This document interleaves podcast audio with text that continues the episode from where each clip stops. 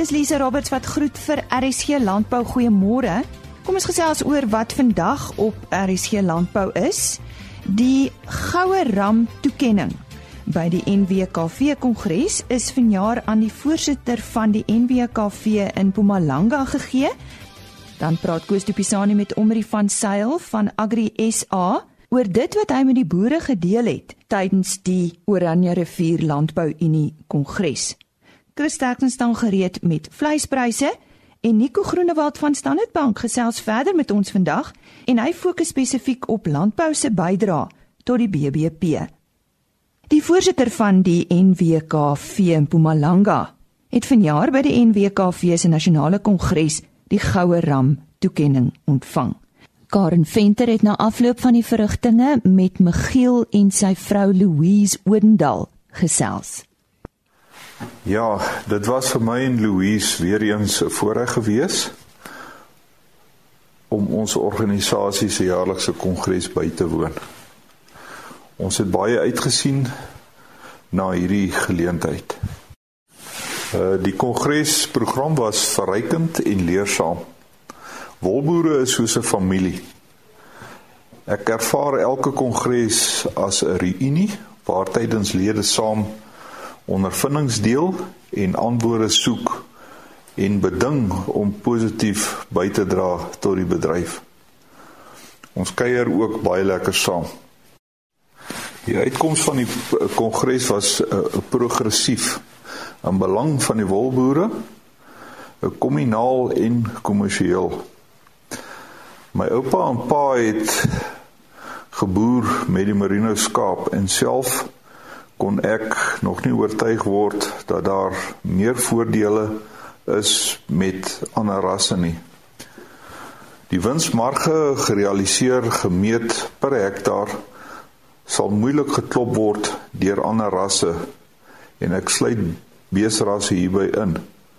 Die merino ras bly my nommer 1 ras. My raad wat ek aan jong boere wil gee is om die merino skaap as 'n vertakking van hul boerdery te oorweeg en passievol deel te neem in die NBKV as bedryfsorganisasie. Daar is oneindige voorligting opgesluit binne die NWKV. Ek en my twee seuns boer saam in die distrikte van Standerton en Ermelo. Ons boerdery bestaan uit mielie en sojaboonverbouing, vleisbeeste en dan ons merino skaapkudde. Dit is nie 'n prioriteitsvolgorde nie. Dit is nodig om gediversifiseer te boer. Sodoende benut ons ons bronne optimaal en dra dit by as versekering om uitdagings te bemeester en vir oorlewing. Ek dien tans sedert 1998 op die bestuur van die NWKV in Mpumalanga en is huidig die provinsiale voorsitter. Tydens hierdie kongres was ek die ontvanger van die Silwer Ram toekenning wat uitgeloof word vir onbaatsigtige en en voortreffelike diens aan die NWKV lede en die wolbedryf. Ek sê baie dankie hiervoor. En dit is vir my 'n besonderse eer. Vir my as vrou is dit 'n voorreg om aan my man se sy te kan staan en hom te ondersteun op alle gebiede. Alle eer aan ons hemelse Vader wat dit vir ons moontlik maak om te kan boer en om te kan bydra te kan lewer tot die bedryf. Dit was dan Louise en Michiel Odendal en Michiel is die voorsitter van die NWKV in Mpumalanga. Indien jy gewonder het wat is besig om met die rand te gebeur, kom ons luister na Frans de Klerk. Ja, goeiemôre. En laaste ons gesels het, het ons gesien dat die rand was baie lekker sterk en ek dink ek het nog meer gesels gesê my tegniese indikatore is nou baie reg aan die onderste amper kan jy sê die rand is totaal oorkoop en ek dink dat die rand gaan binnekort begin vir jy weet in 'n verkoopfase ingaan en die dollar gaan sterker word en die rand swakker en dis presies wat gebeur het. Toe ek en jy laas gepraat het, was hy hier rondom R11.60, R11.80. Min wetende dat ek gedink het hy gaan al die pad opgaan na waar hy nou is en nou die dag 13.92 geraak het. Ehm uh, nou weer wil ek dit amper vir die boere sê dat die rand is nou weer op die oomblik totaal oorverkoop. Met ander woorde, die rand behoort 10 teen en hiervanaf te versterk. En die vlakkie waarna ek kyk is as die rand hier, hier onder 13.37 kan kom, kan hy baie maklik teruggaan 13.20 en selfs 13.14. Nou dit kan dalk die sagte kommoditeitspryse so bietjie laat terugtrek van die lekker lopies wat hulle gehad het, maar daar's iets anders wat ons in gedagte moet neem en dit is hoekom vanmôre se gesprek nogal belangrik vir hulle is. As jy nou na die langtermyn van die grafiek kyk op die rand, dan sê dit vir jou dat die rand uiteindelik nou in 'n fase gekom waar hy hom regmaak vir verdere swakte in die toekoms.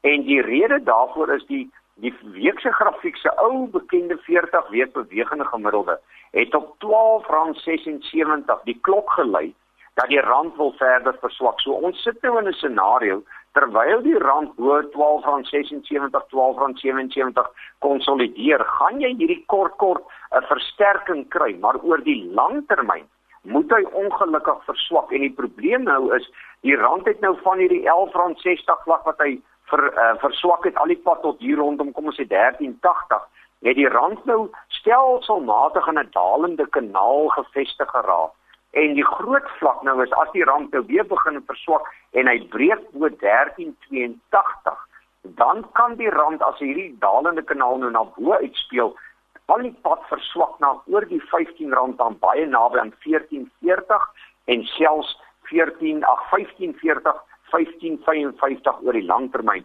En dit is nie goeie nuus vir die verbruiker nie maar baie goeie nuus vir boere wat nou in sagte kommoditeite dalk hulle oog het vir die toekoms om dalk nou te plant of later wil verkoop. Die stem daarvan Frans de Klerk en 'n e-posadres vir hom is fdk@telkomsa.net. Koos de Pisani het by die Oranje rivier Landbou Unie Kongres met Omri van Sail gesels. Hy is uitvoerende direkteur van Agri SA en hy praat oor die risiko's wat hulle voorsien vir die toekoms en die oplossings wat hulle daarvoor op die tafel kan sit. Omri, daar is baie verandering in die samelewing. Jy het gepraat in jou uh, toespraak op op Appington van die risiko lys of die risikobank wat jy opgestel het. Ehm um, wat is die belangrikste ehm um, verandering wat julle in die vooruitsig gestel het van Agri Suid-Afrika se kant? Ek dink ons het uh, daar's verskeidenheid risiko's. Ehm um, so wat ons kyk het is na die waarskynlikheid dat die risiko's sal plaasvind en die impak wat dit sal hê. So die die drie grootste risiko's wat ons geïdentifiseer het was klimaatsverandering en dit het ons gesien met die droogte en die mitigasie daarvan in die Noord-Kaap, die Wes-Kaap en die Oos-Kaap tweede een wat wat eintlik maar die grootste risiko uit 'n beleidsperspektief uit is die die druk uit die linkse faksies in in die Suid-Afrikaanse om 'n uh, soort van sosiale omgewing deur die EFF en verskeie ander rolspelers rondom onteiening sonder vergoeding. En dan die die derde risiko wat ons wat ons ook nog kyk het is die waterinfrastruktuur bestuur. En dan is daar ander risiko's soos die verval van die infrastruktuur in die algemeen, die staat se onvermoë om om uh om dienslewering te voorsien en dan ook bevolkingsgroei wat wat 'n baie groot sosiale impak het op verstedeliking en so meer. Maar ek dink daai was die twee grootste risiko's wat ons geïdentifiseer het. Wat dit ons mee gehelp het is ons kon proaktief voorbereiding tref vir iets soos onteiening sonder vergoeding. Ons het 'n grondaudit gedoen lank voor hierdie ding ehm um, uh, op die lappe gekom het. Ons het advokate gebrief, ons het ons strategie geformuleer So dit is waar waar risikobestuur gaan hè. Dis om is om risiko's te antisipeer en om probeer om die negatiewe impak daarvan te mitigeer. Die risiko's wat jy van praat is goed wat wat gerealiseer het en wat ons elke dag sien wat besig is om te realiseer. Het julle nou reeds planne in in werking? Kyk as jy risiko uh, gebeur wat jy antisipeer, dan moet jy hom mitigeer of jy moet hom bestuur. So byvoorbeeld met onteiening sonder vergoeding is nou 'n goeie voorbeeld. Daar kon ons proaktief met die grondwetlike hersieningskomitee in aanraking kom. Ons het voorleggings aan hulle gemaak. Ons het met die Wêreldbank en die IMF en die Reservebank en 'n klomp ander finansiële instellings aan ons kant gekry basies. Ehm um, en en ek dink van van die maar daar's ook goed wat jy kan beheer en goed wat jy nie kan beheer nie. So dit wat ons kan beheer of wat ons kan beïnvloed, dink ek is ons besig mee.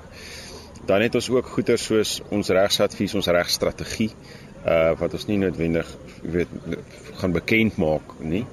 Ehm um, uh, dan het ons alternatiewe daar rondom wat ons ook kan gebruik om die risiko verder of die impak van die risiko verder te mitigeer. Ehm um, so so ek dink dit is hoe dit ons in staat stel om om beter risikobestuur toe te pas. Want die einde van die dag is georganiseerde landbou en agri SA is eintlik maar versekerings vir nasionale probleme binne die landbousektor. Uh risiko's wat ons byvoorbeeld nie geantisipeer het nie, uh wat ons wel op die radar gehad het is soos biologiese kontroles en die listeriose uitbraak en die impak wat dit het, het op die varkindustrie is baie goeie voorbeeld.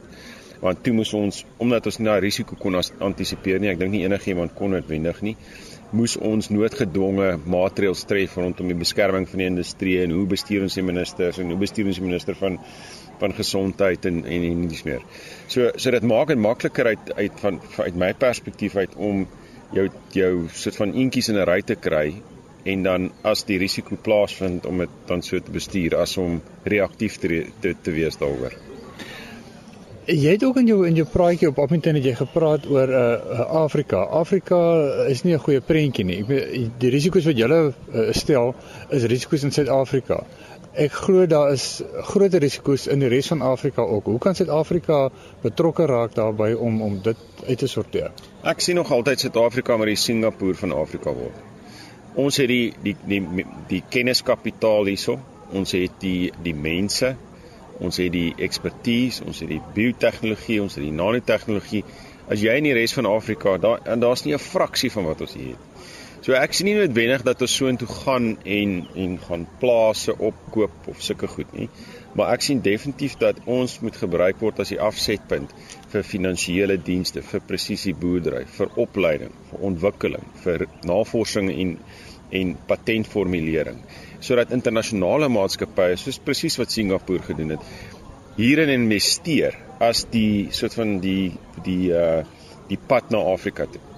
En ek dink dis dis dis iets wat ek sien is 'n baie lae risiko spel vir vir Suid-Afrika met baie hoë opbrengste. Dink jy Suid-Afrika het die uh besig om dit te doen? Word Suid-Afrika geag of is Suid-Afrika maar nog steeds die die die muisond van die wêreld? Nee, wat ek dink Suid-Afrika word verseker geag in Afrika. Ek dink daar's baie keer sien hulle ons as bietjie paternalisties of arrogant wat op sigself baie keer problematies is.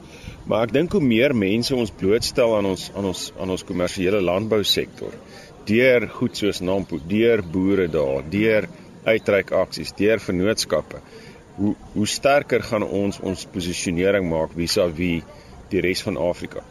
En ek dink eintlik maar Suider-Afrika, né? Hoe kan Agri Suid-Afrika, hoe kan die landbou uh betrokke raak daarbey?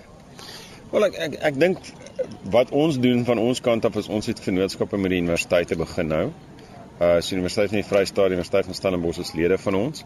So ons kyk na kursusse en posisionering, internasionale posisionering saam met hulle met byvoorbeeld universiteite soos die Universiteit van Wageningen wat seker een van die beste landbouuniversiteite in die wêreld is in Holland, Universiteit van Cambridge, Cornell, Ehm um, so so so wat jy wil hê is jy wil jy wil gesaghebende tersiêre instansies hê wat wat jou soort van wat jou endorse. Ehm um, so ek dink dis een van die goed wat ons mee besig is saam met universiteite. Uh en aan die ander kant die die die navorsingsuit onthou baie van ons lede DuPont Pioneer uh verskeidenheid van van van maatskappye is al reeds uh, in Afrika. So so die vraag is hulle hulle versoek is of die behoefte aan produktiwiteit, opleiding, ware kettingintegrasie, al daai goeders is iets wat ek dink ons nie nie so lank sal vat om te doen as ons regtig die die investering kry in die sektor wat ons wil hê om dit te doen nie. Dit wat jy nou van praat, dis op 'n hoë vlak ja. debat wat jy nou voer, maar wat se baat gaan die gaan jou kommersiële boer daarbey uh, kry as as as hierdie goed kan realiseer wat jy nou van wat jy noem. Ek dink die een ding dis 'n alternatief tot beleidsonsekerheid. Ehm um, so ek ek dink dis vir my die een ding as jy vir enige boer vra nou wat pla hom die heel meeste is dit beleidsonsekerheid. Dit gaan oor grond. Die alternatief daartoe is ekonomiese groei, werkskepping en dis meer. En dis een van die van die van die beginsels wat ons wat ons najag en wat ons deel met die politici is. In steede daarvan dat ons nou met mekaar besig is, kom ons kyk hoe ons hierdie ding na die hierdie sektor na die volgende vlak toe kan vat. En die motorindustrie is 'n goeie voorbeeld van waar hulle dit gedoen het. Hulle het 'n compact gemaak of 'n of 'n verdrag gesluit met die regering gesê okay, ons gaan 300 000 werke skep oor die volgende 10 jaar en dit is hoe ons dit gaan. En dis waar in die rigting waarheen ons op pad is. Uh, een van ons adviseurs is ook Brand Pretoria wat daai tyd met die motorindustrie dit gedoen het. Hulle het al daai aanlegte gevestig in in in in in die Oos-Kaap en Oos-London en PE en Roslyn en naby na Pretoria. En en dis die dit is die alternatief. So in steede daarvan om die ekonomie te vernietig, kom ons groei die ekonomie en hoe ons die ekonomie gaan groei is deur internasionalisering van die landbousektor, inwaartse investering, beleidssekerheid ensovoorts. Dink jy dat Agri Suid-Afrika sal slaag in sy doel om die gemoedsrus van ons landbouers weer terug te kry? Kyk, daar's twee elemente aan. Ek dink die een is is die landbouers moet weet ons is ons is op dit, nê. Ons is uit 'n regskundige stand perspektief uit uit navorsing, uit audits uit. So feitelik is ons daar. Ekonomies en so meer. Die die die groot debat op die oomblik is dis nie net 'n ekonomiese of net 'n rasionele debat nie dis ook 'n emosionele debat. En dit is ook iets wat wat aangevuur word deur ekstreme partye wat verdere polarisasie veroorsaak en die probleem wat dit doen is dit etiketeer 'n sekere gedeelte van die bevolking of 'n sekere taalgroepering of wat ook al tot 'n groot mate en en in daai samevoeging van hoe kry ons die oplossing Nee, ons is mos nie onnoosel nie. Almal weet wat die probleme is. Maar hoe kry ons die oplossing? Wat wat is die boublokkies wat ons bymekaar sit om by daai oplossing uit? Ek dink dit is vir my die groot ding. So kan ons dit regkry deur ons vennootskappe. Almal het 'n rol om te speel. Die een vennoot wat afwesig was die afgelope 20 jaar as die regering. Hulle was net afwesig. En dit wat hulle probeer doen, dit was nie suksesvol nie. Ehm um, en ek dink almal er almal erken dit. Ek meen selfs by die grondwetlike hersieningskomitee vergadering het ons het ons dit vir mekaar gesê. Want ons kan nie wegskram dat 'n integrale deel van die sukses van enige land is die regering, nê? Maar ons sien ook die geleentheid om baie meer publieke ehm um, private soort van inisiatiewe te te loods en en om nie en om die vertroue te bou tussen ons. Laat hulle ons toelaat om dit te doen, want ons kan dit doen. Jy weet, ons doen dit nou al honderde jare lank. So die idee is om daai so so daar's 'n korttermyn uh uh uh gesprek rondom die eindings van die vergoeding die parlementêre proses. Dis iets wat ons nou moet bestuur. En die uitkoms daarvan, dis nie 'n switch flip nie, nee, en dit kan nog lank gaan. Lank aangaan. Ja. En en as ons ons wend die howe, as ons voel dat die ekonomie word bedreig, dan sal ons dit doen. Jy weet en dan sal daai ding sy ver, vervolg neem. Maar die alternatief moet wees, hoe gaan ons die nasionale ontwikkelingsplan gestalte gee in landbou? Hoe skep ons 'n miljoen werke? En as ons dit kan doen, gaan ons definitief die angel uit hierdie gesprek uithaal. En ek dink baie boere, ek ek praat met boere reg oor die land, die ouens is is reg om dit te doen. Maar niemand kan dit doen sonder 'n ordentlike ontwikkelingsfinansieringsvoertuig wat nie bestaan in Suid-Afrika nie. In die ou dae het hulle die landboukredietraad gehad en die landbank en Ons het daar's nie nou so iets. So al die banke en met almal sê ja, dis belangrik, is belangrik, maar niemand sit sit iets op die tafel en sê vir 'n boer, luister, as jy 'n swart vennoot het, kan jy hoef nie rente te betaal vir 5 jaar. En wat ook al die geval mag wees. So so dis een van die van die van die missing van die van die tekortkominge en ek dink in die totale prentjie is daai ontwikkelingsfinansieringsinstansie wat ons uh, wat ons wil wil wil laat geskied sodat ons hierdie inisiatiewe vorentoe kan vat. Goed. Uh dit is Omri uh, van Sou van Agri Suid-Afrika. Hy is baie positief oor die oor die toekoms van landbou en ehm um, hy was een van die hoofsprekers tydens die ORLI uh kongres. Gusto Pisani wat daar gesels het met Omri van Sail. Hy is natuurlik uitvoerende direkteur van Agri Suid-Afrika. Volgende Chris Derksen en soos altyd gee hy vir ons vleispryse deur en dit is pryse wat behaal is by veilinge in die Noord-Vrystaat en die datum was Dinsdag 26 Junie. Chris Dit is belangrik dat skape geweldig duur en skaars is. Ander beespryse is effens onder druk en bokke is soos gewoonlik baie stabiel. Geef vir julle presiese pryse. Speenkalvers onder 200 kg is R37.03 per kilogram lewendig gewig. Speenkalvers van 200 tot 250 kg R35.26 en oor 250 kg R32.13. A-klasse R26.11, B-klasse R21.45, C-klasse vetkoeie R20.60 en maarkoeie het gewissel van R17.17 tot R18.49 per kilogram. Slagbulle R22.48. En vanaf die skaapmark is stoorlam nog steeds die baie goeie prys van R52.11. Slaglammers R36.16, stoorskape R29.21 en vetskape R28.82 per kilogram. En boerbokke is lammers R45.01 en ooe R28.78 per kilogram.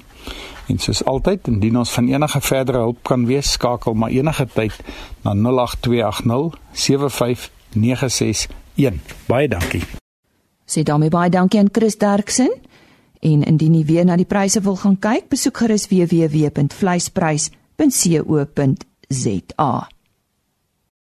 Statistiek Suid-Afrika se onlangse syfers dui daarop dat die land se bruto binnelandse produk in die eerste kwartaal van 2018 met 2,2% afgeneem het.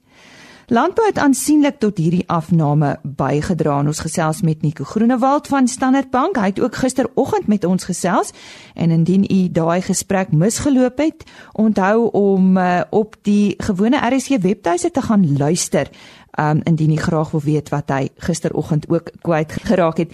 Nico, ja, goeiemôre. Lekker om weer vir jou op ons program te hê. Hoe het landbou tot dusver vanjaar presteer in sy bydrae tot die land se uh, eh, BBP?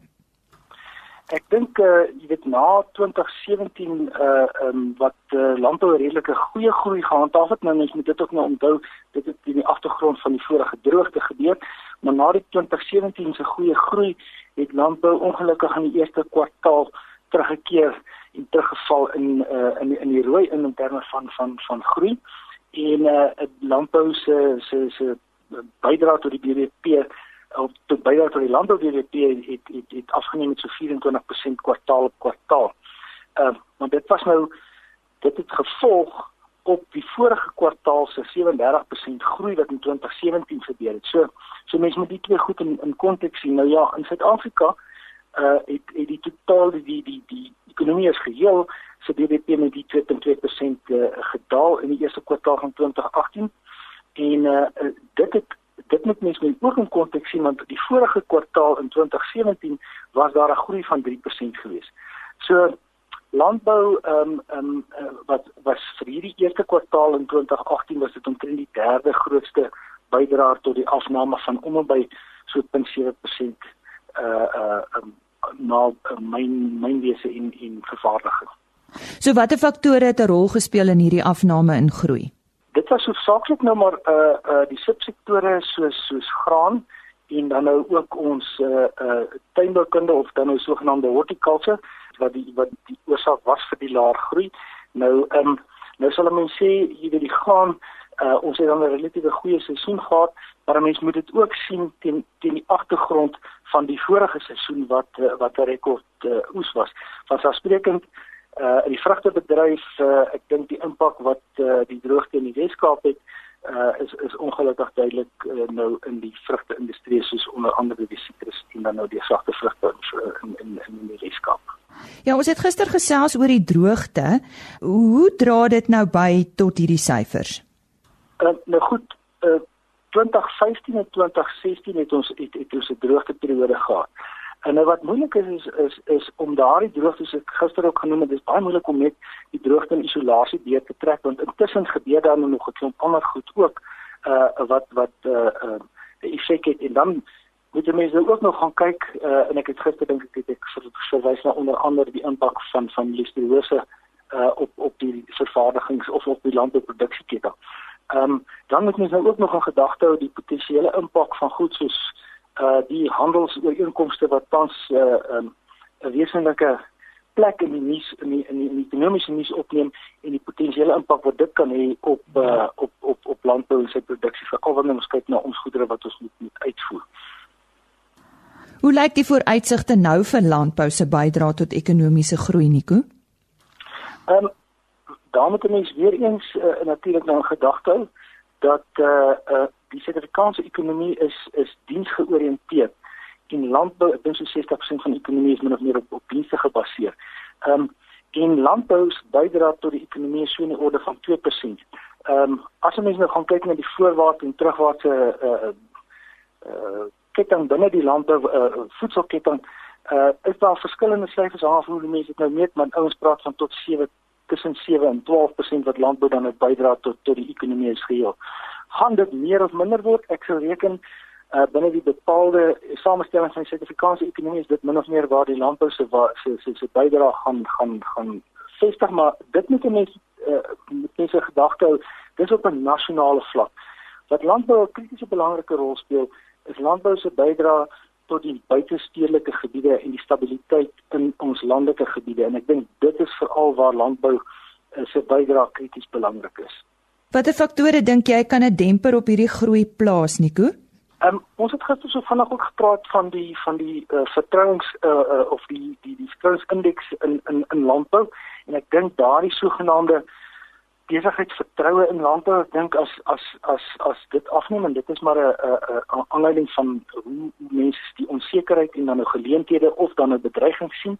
Ehm um, en dit gaan spesifiek rondom beleidsekerheid aspekte soos arbeid.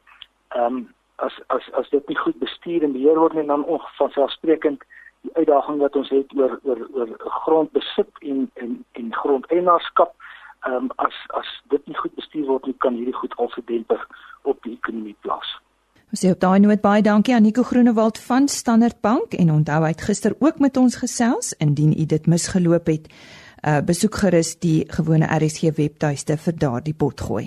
Voor ons groet, net 'n brokkie nuus oor talent in die landboubedryf. Nou u sal onthou dat ek die einde van verlede jaar so oor Kersfees met die 2017 Agri's Got Talent wenner gesels het. Nou dit is uh werkers op verskeie plase veral in die sagte vrugtebedryf en verskeie wynplase daar in die Wes-Kaap en hulle neem elke jaar deel aan 'n talentkompetisie. Nou vir jaar se kompetisie het reeds afgeskop en die top 10 Agri's Got Talent wenners is onlangs aangekondig en hier is hulle in geen spesifieke volgorde. Tersia Greenwold van Diemersfontein in Wellington, Gert Olivier van Leeukop boerdery op die Dorings, Mariet Slingers van Wildekraans landgoed in Botrivier, Victor Fredericks van Pleasant in Wolseley, Chantel Hess van die Boomerang Farm op Grabouw, Mariska Jaars van Hella B boerdery op Woester, Jonren Jansen van De Tooi vrugte op Ceres, Maxine Babers van Meerlust op De Dorings, Bredwin van Wyk van Eselfontein boerdery op Ceres. En Julia Cupido van Oakdene op Wellington. Die gala aand word op 3 Augustus gehou en dan sal die 2018 Agri's Got Talent wenner gekroon word. Nou ja, dis dan die einde van ons kuier saam met u vir hierdie week. Onthou ons is maandagooggend net so na 05:30 weer terug met nog RSG landbou nuus. Chris Viljoen sal môreoggend om kwart voor 5 agter die mikrofoon wees. Dit is skoolvakansie en indien u reis, reis asseblief veilig, bly warm en mag dit verder net met u goed gaan. Totsiens. RSG Landbou is 'n produksie van Plaas Media. Produksieregisseur Henny Maas. Aanbieding Lisa Roberts. En inhoudskoördineerder Jolandi Root.